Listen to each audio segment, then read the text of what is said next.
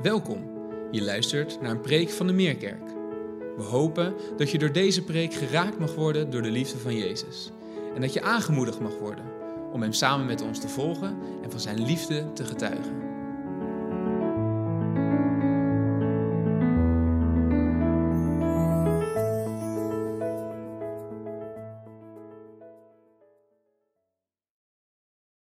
Goedemorgen. Je weet niet hoe heerlijk het is om zo'n volle zaal voor me te hebben. Dus uh, misschien ben je wel voor het eerst weer sinds lange tijd in de, in de kerk, fysiek. Nou, dan van harte, extra van harte welkom. Uh, heel fijn dat je er bent. En wat een prachtig lied. Alles draait om Hem. Precies deze woorden komen ook uit die eerste hoofdstuk van de Colossensebrief, vers 15 tot 20.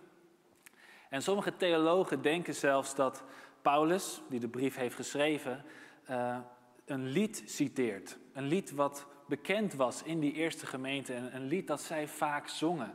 En dan zongen zij deze woorden. En hoe bijzonder is het om ook op deze morgen diezelfde woorden, dan wel met een andere melodie, uh, te zingen of te luisteren. Nou, zoals Johan al net genoemd heeft, en de meeste van jullie die op de hoogte zijn van uh, onze diensten, zitten we in een prekenserie, getiteld Brieven aan de Meerkerk. En in die prekenserie lezen we brieven van Paulus uh, van begin tot eind. Nou, voordat we de brief daadwerkelijk gaan lezen, wil ik eigenlijk twee dingen zeggen. Aan het eerst ten eerste hoe bijzonder het is, hoe belangrijk het is om Gods woord centraal te stellen in onze bijeenkomsten. En ten tweede hoe belangrijk het is om uh, de context van de Bijbel, van Bijbelboeken, Bijbelbrieven te kennen. Nou, ten eerste, deze prekenserie bepaalt ons bij wie we ten diepste zijn. We komen niet bij elkaar ten eerste om mensen te horen spreken of mensen te ontmoeten. En we willen God horen spreken. We willen God ontmoeten. En gelukkig doen we dat iedere week en niet alleen deze prekenserie. Maar meestal gebruiken we dan de tijd om uh, wel iets uit de Bijbel te lezen, maar vooral er veel over te zeggen en veel over uit te leggen. En dat is ook belangrijk.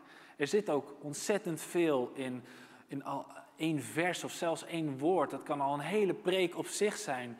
Iets om over na te denken, iets om bij stil te staan, iets om in te duiken. En dat is ook supergoed. Maar toch blijven het de gedachten van een spreker die hier staat. Uh, en ik hoop en ik bid dat het gedachten zijn die in lijn zijn met wat er al in de Bijbel staat. Maar toch zijn het woorden van mensen. En niets kan op tegen het heilige woord van God zelf. En hoe vaak staan we nu echt samen als gemeente stil bij Gods woord? Echt stil. Laten we het allemaal op ons inwerken, gezamenlijk. En natuurlijk hoop ik en bid ik dat iedereen voor zichzelf de Bijbel leest. Maar ook waar we dat individueel doen, is het zo goed om het gezamenlijk te doen met elkaar. Dat is wie we ten diepste willen zijn, toch? Een gemeente die, waar alles draait om Hem. Waar alles draait om Jezus. En als wij zeggen zo'n gemeente te zijn, waar we Gods woord en gebed zo, ja, zo hoog in het vaandel hebben, mag dat dan ook blijken in onze bijeenkomsten. Dat we ook zijn woord zo serieus willen nemen. En mag dat dit uur, als we dat gaan doen, mag dat ons bepalen bij zijn realiteit, wie hij is. En mag het ons dieper raken dan alle andere geluiden die we de rest van de week tot ons nemen of die op ons afkomen. En als je het zo bekijkt, dan is deze hele prekenserie zoveel meer dan alleen een, een interessante exercitie. Maar het is een statement. Een statement dat onze samenkomsten in het teken staan van een levende God. Een levende God die vandaag de dag nog steeds spreekt door zijn Heilige Geest. En wij, zijn gemeente, die willen luisteren naar zijn woord, naar wat hij te zeggen heeft. Dit alles bij elkaar is gewoon één grote vorm van aanbidding we Hem centraal willen zeggen. Wat heeft u ons te zeggen? Zeg het, Heer. Dit uur willen we alle geluiden van de wereld willen we afsluiten. We willen ons focussen op wat U ons te zeggen heeft. Vervolgens willen we daarop reageren in aanbidding. En ik hoop zo dat dat straks ook mag blijken als we na het lezen van de brief met elkaar zullen bidden en zullen zingen. Alles draait om Hem. We zullen die woorden straks ook lezen. En ik hoop en bid dat dat ook echt de realiteit mag zijn hier in onze gemeente. Dus naast dat we zijn woord centraal willen stellen, dat is, dat is één, is het ten tweede ook heel belangrijk om stil te staan bij de context van Bijbelboeken, van de versen die we lezen. Want vaak wanneer we alleen maar versen uitlichten iedere week in de preek, dan wekt het soms de indruk dat de Bijbel ja, een soort verzameling is van inspirerende versen die ons veel kunnen zeggen, die ons kunnen raken. Ik moet wel eens denken aan, uh, volgens mij heet dat dagelijkse broodkruimels, dat je je dan aan kan melden en je iedere week in je mailbox krijg je een, de inspirerende tekst van de dag. En het is geweldig dat de Bijbel op zo'n manier gebruikt kan worden. Dat er iedere dag een tekst in je mailbox binnen kan komen die je precies kan raken of soms precies datgene kan verwoorden wat je op dat moment nodig hebt. En dat is één manier waarop we de Bijbel uh, kunnen gebruiken en tot ons kunnen nemen. Maar het gevaar is, wat op de loer ligt, is dat we de Bijbel ook echt gaan zien als een soort verzameling van, van interessante Bijbelversen. Terwijl we ook goed moeten bedenken dat die versen in een context staan. In dit geval de versen uh, die in de brieven van Paulus staan, staan in de context van een brief. En die brief heeft een auteur, een mens van vlees en bloed die die brief geschreven heeft. In een bepaalde tijd, in een bepaalde plek, een bepaalde situatie, aan hele specifieke mensen.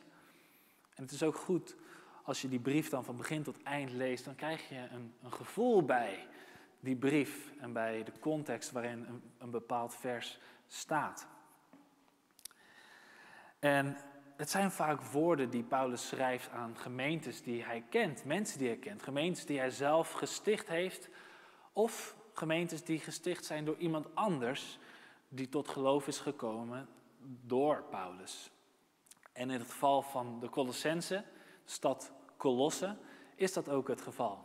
Die gemeente is niet gesticht door uh, Paulus zelf, en dat zullen we straks ook lezen. Paulus heeft die mensen nog nooit face-to-face echt ontmoet. Want die kerk is gesticht door een broeder, een medewerker van Paulus, genaamd Epaphras. En um, Epaphras hoogstwaarschijnlijk heeft, uh, heeft de verkondiging van het goede nieuws van Jezus gehoord van Paulus in Efeze tijdens zijn derde zendingsreis van, van Paulus. En daar is Paulus een lange tijd gebleven. Dat kan je ook teruglezen in Handelingen 19. Ruim twee jaar, misschien zelfs drie jaar dat hij in Efeze was. En dat was de basis voor heel de, uh, de, zendingsmissie in Klein-Azië, het huidige Turkije. En Paulus schrijft die brief, maar hoe weet hij dan de situatie van de Colossense? Nou, dat weet hij door Epaphras. Epaphras zoekt hem op in de gevangenis. En dat is ook de plek waar Paulus deze brief geschreven heeft. Epaphras heeft alles verteld over, over hoe het gaat in de gemeente. En uh, Paulus reageert erop door een brief te schrijven. Nou, Colosse lag, lag dus in Klein-Azië, in, uh, in, het huidige Turkije. En als we even een, uh, de kaart kunnen bekijken, ligt best dicht bij Efeze. Het is een Engelse kaart, kon even zo snel niet een goede Nederlandse kaart vinden. Ephesus, Efeze en dan twee à drie dagen reizen, wandelend. Uh, daar vandaan is Colosse. Ligt in de buurt van twee andere hele grote steden, Hierapolis en Laodicea, die ook genoemd gaan worden in, uh, in de brief.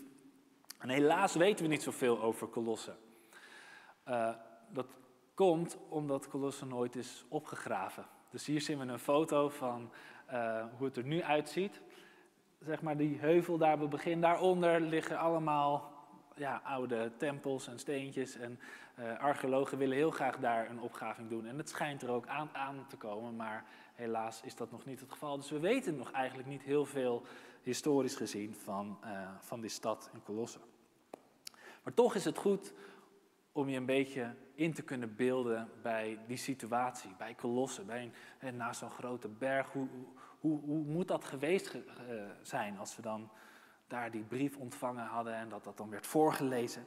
En in die brief begint Paulus dan ook met een typische Paulusgroet, om vervolgens spreekt hij over Jezus. En er is bijna geen andere brief waar Jezus zo hoog over Jezus opgeeft door ook dat gedicht of dat lied toe te voegen in zijn eerste hoofdstuk. Wij hebben later die hoofdstukken toegevoegd, maar dat was gewoon één lange brief. En vervolgens legt hij uit wat dat dan betekent voor hun leven. Als hij die Jezus Christus is, die gestorven is en weer is opgestaan. Ja, wat betekent dat dan voor ons? Dat verandert alles. Dat verandert alles. En dan waarschuwt u hen ook voor dwaalleer, allerlei dwaalleer. En dat ze vast moeten blijven houden aan het evangelie en zich niet moeten laten misleiden en gek laten maken. Om dan vervolgens te eindigen met een aantal praktische aanwijzingen hoe ze met elkaar om moeten gaan. En ik weet niet hoe de ervaring is geweest, de eerste twee brieven die geluisterd zijn, maar op het einde worden er altijd namen genoemd. En ja, vaak ken je die namen niet en, en zegt dat je niet zoveel. Uh, dat kan ik wel heel goed voorstellen. Maar het geeft je wel een beetje een gevoel van, ja, dat, je moet een groet hebben van die en groet, groet hebben van die. Dan krijg je een gevoel van, hé, hey, die brief, dat gaat echt over mensen van vlees en bloed. En ik wil even twee van die namen uitlichten voordat we gaan lezen. Namelijk Tychicus en Onesimus. Dat waren de twee uh, heren die deze brief uh, van de gevangenis waar Paulus zat naar Colosse hadden gebracht. En de, de brief wordt hoogstwaarschijnlijk ook voorgelezen door Tychicus. Maar hij had iemand met zich meegenomen, Onesimus. En die kennen we van een andere brief die ook in, het Nieuwe Testament staat, namelijk de brief van aan Filemon. Filemon was een kerkleider die ook uh, deel uitmaakte van de gemeente in Colosse. En Filemon was een meester, een, een, een slavenmeester. En Onesimus was zijn slaaf, maar die slaaf was weggerend. Dat was gevlucht. En die had Paulus opgezocht in de gevangenis. En terwijl hij met Paulus aan het praten was, was hij tot geloof gekomen. Maar je moet je goed beseffen dat dat een hele riskante zaak is voor een slaaf om weg te rennen. Daar staat een hele hoge straf op. Dus het vergde enorm veel lef voor Onesimus om samen met Tychicus terug te gaan naar Colosse, wetende dat Filemon daar ook in die gemeente zit. Maar nu was er iets anders, want Onesimus was tot geloof gekomen. Hij was niet alleen de slaaf van Filemon, hij was nu ook de broeder van Filemon. Dat maakt alles anders. En dat lees je ook in de brief van Filemon, een hele korte brief, de kortste brief van Paulus. Uh, en dan zie je welk advies Paulus geeft aan Filemon. Van hey, neem Onesimus terug, niet alleen als je, je bediende, als je slaaf, maar vooral als je broeder in de Heer. Nou, genoeg achtergrondinformatie, maar ik dacht dat maakt het misschien nog net iets levendiger als we de brief daadwerkelijk gaan lezen. Want net zoals de brief aan de Thessalonicense is deze brief ook bedoeld om voorgelezen te worden. Niet alleen aan de gemeente in Colosse, maar ook in andere gemeentes. Dus vandaar, nu, 2000 jaar later, uh, hebben wij die brief dus ook ontvangen om in onze gemeente voor te lezen. Net zoals dat zij dat deden. En ik weet niet, ergens in de zaal iemand heeft, uh, heeft de brief, uh, ja, die was in de post gekomen. Nou, heel mooi. Dus dan gaan we de post even even uitpakken. Nou, een prachtige, prachtig mooie brief. Dit keer niet voorgelezen door Tychicus, maar door mij en niet in het Grieks, maar gelukkig in het Nederlands. Laten we met elkaar lezen de brief aan de Colossense. Van Paulus, door God aangesteld als apostel van Christus Jezus en van onze broeder Timotheus. Aan de broeders en zusters in Colosse, die trouw en in geloof Christus volgen. Wij wensen u de genade en vrede toe van God onze Vader. Altijd als wij voor u bidden, danken wij God, die de Vader is van onze Heer Jezus Christus. Want wij hebben gehoord dat u op Christus Jezus vertrouwt en ook uw medegelovigen lief hebt. En deze liefde komt voort uit de verwachting die u hebt van de toekomst die u in de hemel wacht. U ziet uit naar die hemelse vreugde sinds u de waarheid, het goede nieuws, gehoord hebt. En dit goede nieuws heeft overigens niet alleen u bereikt, het gaat over de hele wereld. Overal worden er mensen door veranderd, net als u vanaf de dag dat u van Gods genade hebt gehoord en deze als waarheid erkend hebt. U hebt het gehoord van onze medewerker Epaphras, die bij ons erg geliefd is. Hij is ook een trouw dienaar van Christus. En hij heeft ons verteld hoe groot de liefde is die u door de Heilige Geest hebt ontvangen. En daarom blijven wij vanaf de dag dat we dat hebben gehoord steeds voor u bidden. Wij vragen God om u te laten begrijpen wat Hij wil dat u doen, dat u doen zult. Wij vragen voor u om wijsheid en geestelijk inzicht. Dan zult u tot eer van de Heer leven en doen wat Hij graag wil. En hoe beter u God leert kennen, hoe vruchtbaarder uw leven zal zijn. Ook vragen wij Hem u te sterken met Zijn geweldige hemelse kracht, omdat u alles blij en geduldig kunt verdragen. En wij danken Hem dat Hij u in staat stelt om te delen in de heerlijke erfenis die toebehoort aan Zijn volk dat in het licht leeft. Want God heeft ons bevrijd uit de macht van de duisternis en ons een plaats gegeven in het koninkrijk van Zijn geliefde Zoon, die ons vrijheid kocht met Zijn bloed. En daardoor ontvingen wij vergeving voor al onze zonden. En nu komt het gedicht of het lied. In de persoon van Christus is de onzichtbare God zichtbaar geworden. Hij is als eerstgeborene verheven boven de hele schepping. In Christus is alles in de hemelen en op aarde geschapen. Al het zichtbare en onzichtbare. Koningen en wereldheersers, regeringen en andere autoriteiten. Alles is in Christus gemaakt tot Zijn eer. Hij was er al, voordat er iets bestond. En alles wat bestaat is er dankzij Hem. Hij is het hoofd van de gemeente, zijn lichaam. Hij is het begin van alles en ging ons als eerste voor in de opstanding uit de dood.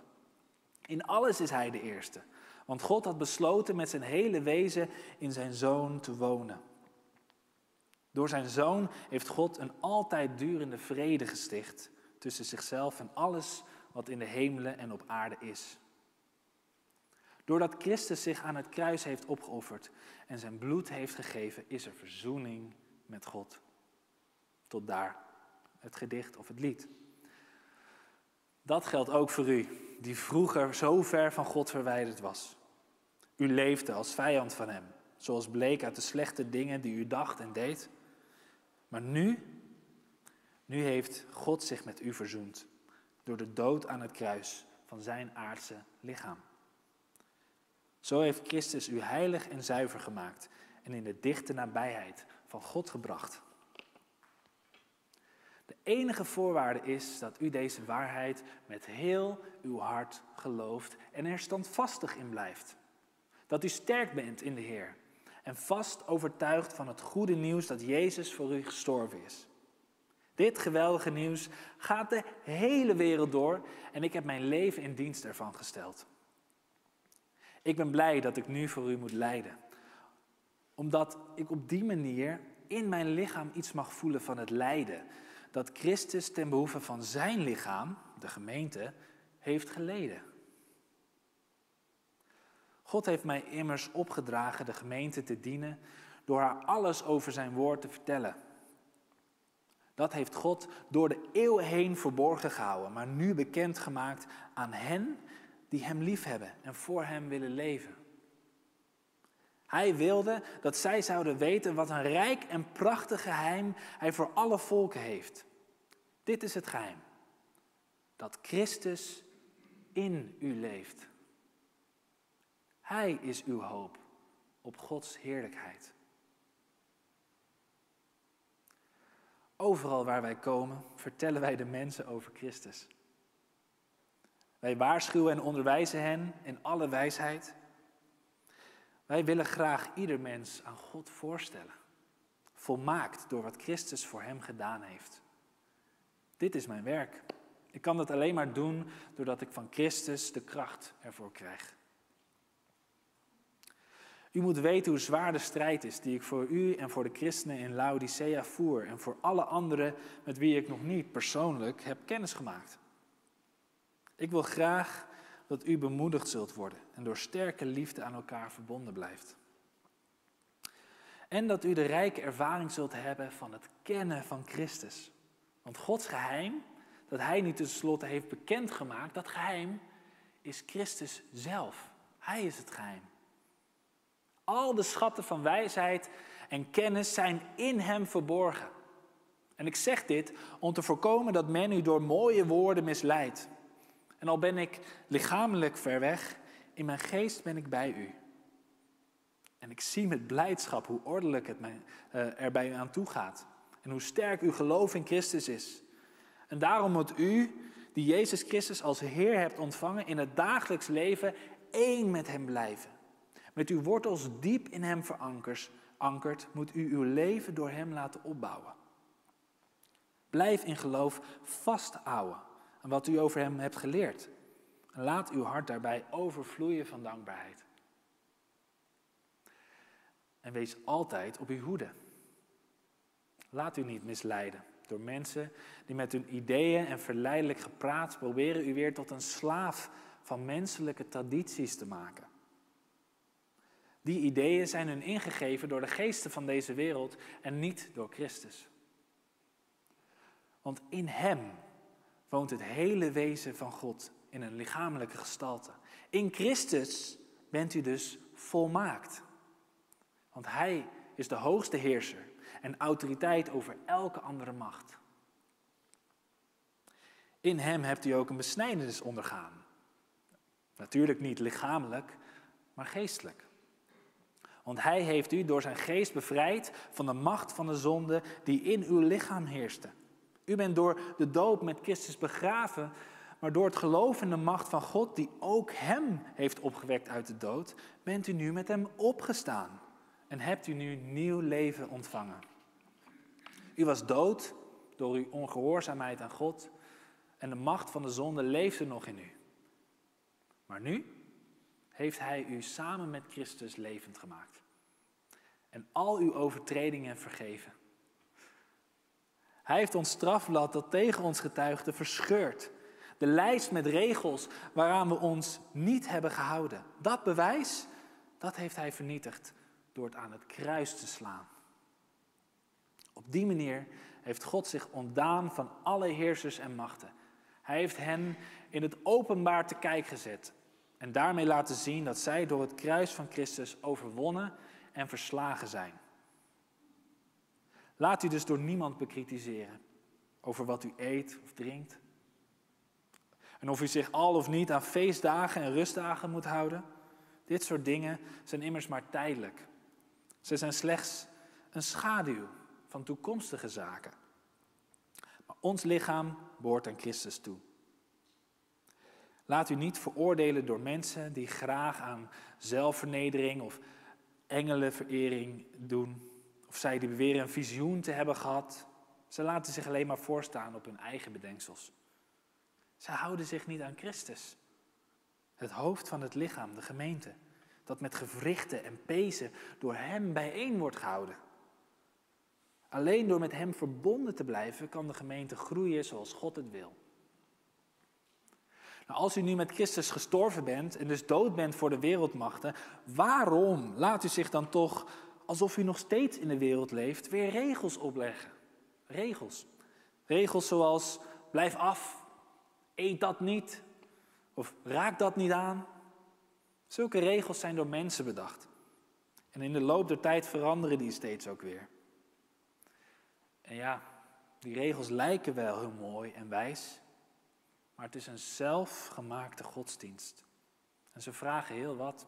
Heel wat vroomheid, vernedering, zelfkastijding. Zij zijn waardeloos en bevredigen alleen het gevoel van eigenwaarde. Nu u met Christus bent opgestaan uit de dood, moet u zich bezighouden met hemelse zaken.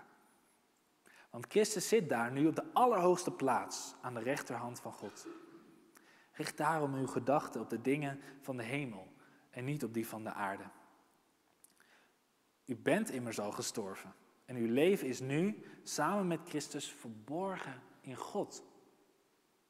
Eens wanneer Christus, die ons leven is, zichtbaar voor iedereen zal terugkomen, dan zal blijken dat ook u deel hebt aan zijn glorierijke macht.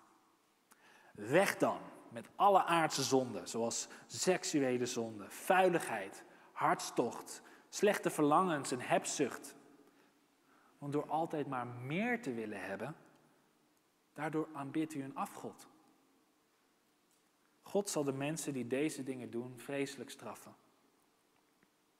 Vroeger, voor uw bekering, deed u deze dingen ook. Maar nu mag er bij u geen sprake meer zijn van bitterheid, van woede en boosaardigheid, van roddel en vuile taal. Lieg niet tegen elkaar. Dat hoorde bij uw oude leven, waarmee u nu hebt afgerekend. Maar nu bent u een nieuwe mens, die nog steeds groeit en God beter leert kennen. Maar zo zult u meer en meer gaan lijken op God die u gemaakt hebt. En in dit nieuwe leven is het van geen enkel belang van welke nationaliteit of ras u bent. En evenmin welke opleiding of maatschappelijke positie u hebt. Het gaat om Christus, die alles in allen is. God heeft u uitgekozen. En God houdt van u. Kleed u daarom met innerlijk medeleven, goedheid, nederigheid, zachtaardigheid en geduld. Verdraag en vergeef elkaar. Als iemand iets tegen u heeft. Volg hierin het voorbeeld van Christus, die u zonder meer vergeven heeft. Waar het op aankomt is dat u zich laat leiden door de liefde, want dan zal de gemeente in volmaakte harmonie bijeen blijven. Laat de vrede van God uw harten beheersen. Daartoe heeft God u ook geroepen als leden van één lichaam. Wees daarom dankbaar. Laat uw hart vol zijn van Christus woord. Zijn woorden zullen uw leven verrijken en uw wijsheid geven. Leer ze aan elkaar. Wijs elkaar ermee terecht en zing erover in psalmen, in lofgezangen en geestelijke liederen. Zing zo met een dankbaar hart voor de Heer. Wat u ook zegt of doet, doe het in de naam van de Heer Jezus en dank ook God, de Vader, in Zijn naam. Vrouwen, voeg u naar uw man, want dat is wat de Heer van u verwacht. En mannen, wijd u met liefde aan uw vrouw. Behandel haar niet grof of onverschillig. Kinderen, jullie moeten gehoorzaam zijn aan je vader en moeder. Dat is wat de, wat de wil, wat, dat is de wil van de Heer. Vaders, misbruik tegenover uw kinderen uw macht niet, want dan ontneemt u hen alle moed. Slaven moeten hun meesters altijd gehoorzamen. En probeer het hun niet alleen naar de zin te maken als zij op u letten, maar voortdurend met een bereidwillige houding en ontzag voor God. Wat u ook doet, doe het van harte. Alsof het voor de Heer is en niet voor mensen. U weet immers dat de Heer u zal belonen met een deel van de erfenis. Want u dient de Christus als Heer. Maar wie iets slechts doet, krijgt het zelf weer terug. En daarbij, daarmee maakt God geen onderscheid. Meesters, behandel uw slaven goed en eerlijk. Denk eraan dat ook u een Heer in de hemel hebt. Mijn lezing wordt overgenomen door uh, een Bijbel-app.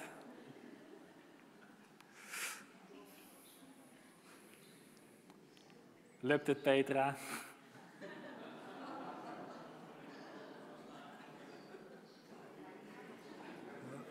Ja, dan wil je meelezen en dan. Uh... Is het gelukt? Het is gelukt, dankjewel. Ik zal weer beginnen bij uh, hoofdstuk 4, het laatste hoofdstuk. Meesters, behandel uw slaven goed en eerlijk. Denk eraan dat ook u een Heer in de hemel hebt. En blijf altijd bidden. Verslap daarin niet en toon de Heer uw dankbaarheid. En vergeet niet daarbij ook voor ons te bidden.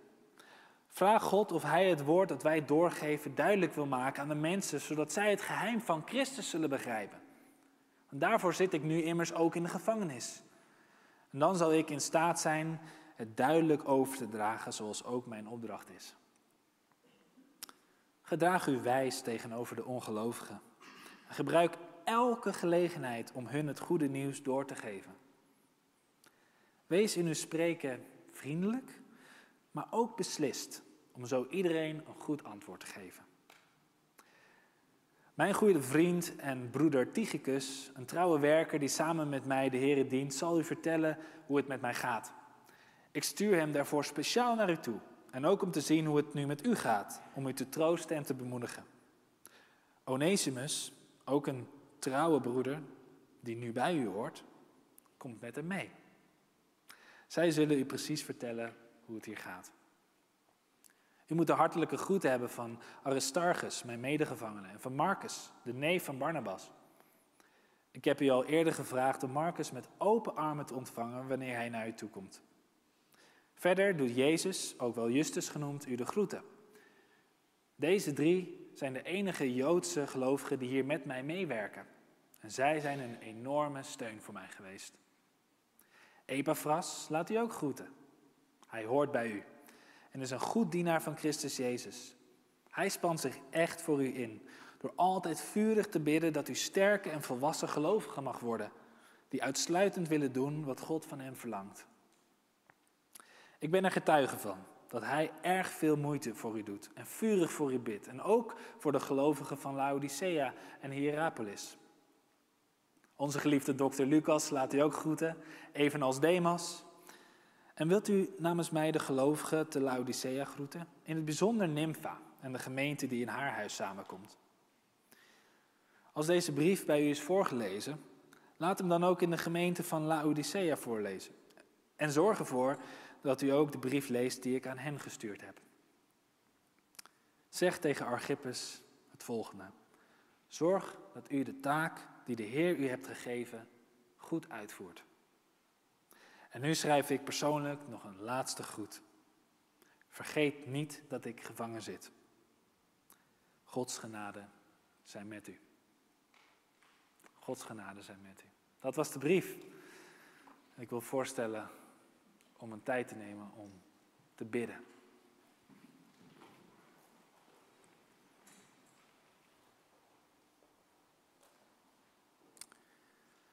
Heer, wat is het bijzonder, Heer, om uw woord tot ons te nemen. Om zo'n brief van begin tot eind te mogen lezen. En ik wil u danken, Heer, voor Paulus. Bedanken voor zijn leven. Bedanken voor zijn bekering. Ik wil danken voor het werk wat u uh, verzet hebt door uw Heilige Geest, door zijn handen heen, door zijn bediening heen. Ik wil u danken, Heer, voor al die gemeentes die werden gesticht. En ook de gemeente in Colosse. Dank dat u mensen roept. En we zongen het al aan het begin van deze dienst. U roept ons. U heeft Paulus genoemd. U heeft Epaphras genoemd, geroepen. U heeft Tychicus geroepen, Onesimus geroepen. En zo mogen we ook onze eigen naam invullen. U heeft ook mij geroepen. 2000 jaar later bouwt u nog steeds uw kerk. Heer, als we dan die woorden lezen die Paulus beschrijft, zo'n hoge visie van u, Jezus Christus. Alles bestaat in en door u. U was de eerste in alles. En we danken u zo hoe de brief daarvan getuigt. Dat u de eerste bent die bent gestorven, maar ook weer bent opgestaan uit de dood. En dat wij met u mogen sterven. En ons oude leven achter ons mogen laten. En dat we mogen opstaan in een nieuw leven. Dat we ja, standvastig mogen zijn in dat nieuwe leven. Omdat we u nu kennen. U heeft ons veranderd. Heer, mag het meer zijn dan één moment waarin we die keuze hebben gemaakt. Maar dat we standvastig zullen zijn in ons geloof.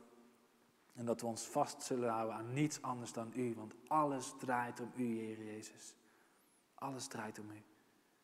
Zo ook hier, deze ochtend in de Meerkerk, draait het om u en u alleen.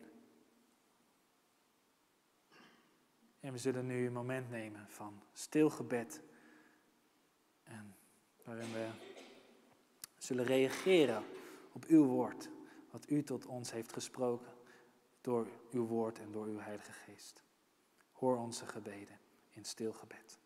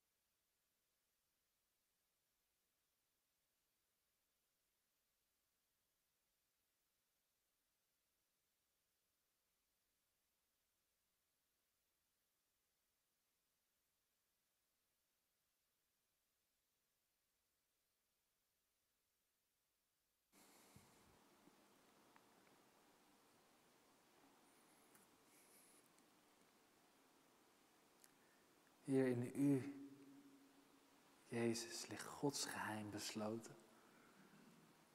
in u geeft God zich prijs. U bent onze hoop. Alles draait om u. Want u brengt ons weer bij God. U heeft ons met Hem verzoend. Ja, alles draait om u, Jezus Christus. En daar danken we u voor. Duizendmaal dank. Dat we u mogen kennen en met u mogen leven en voor u mogen leven. Dat alles danken we en dat alles bidden we in uw heilige naam, de naam van Jezus Christus. Amen. Fijn dat je hebt geluisterd. Voor meer informatie ga naar www.meerkerk.nl.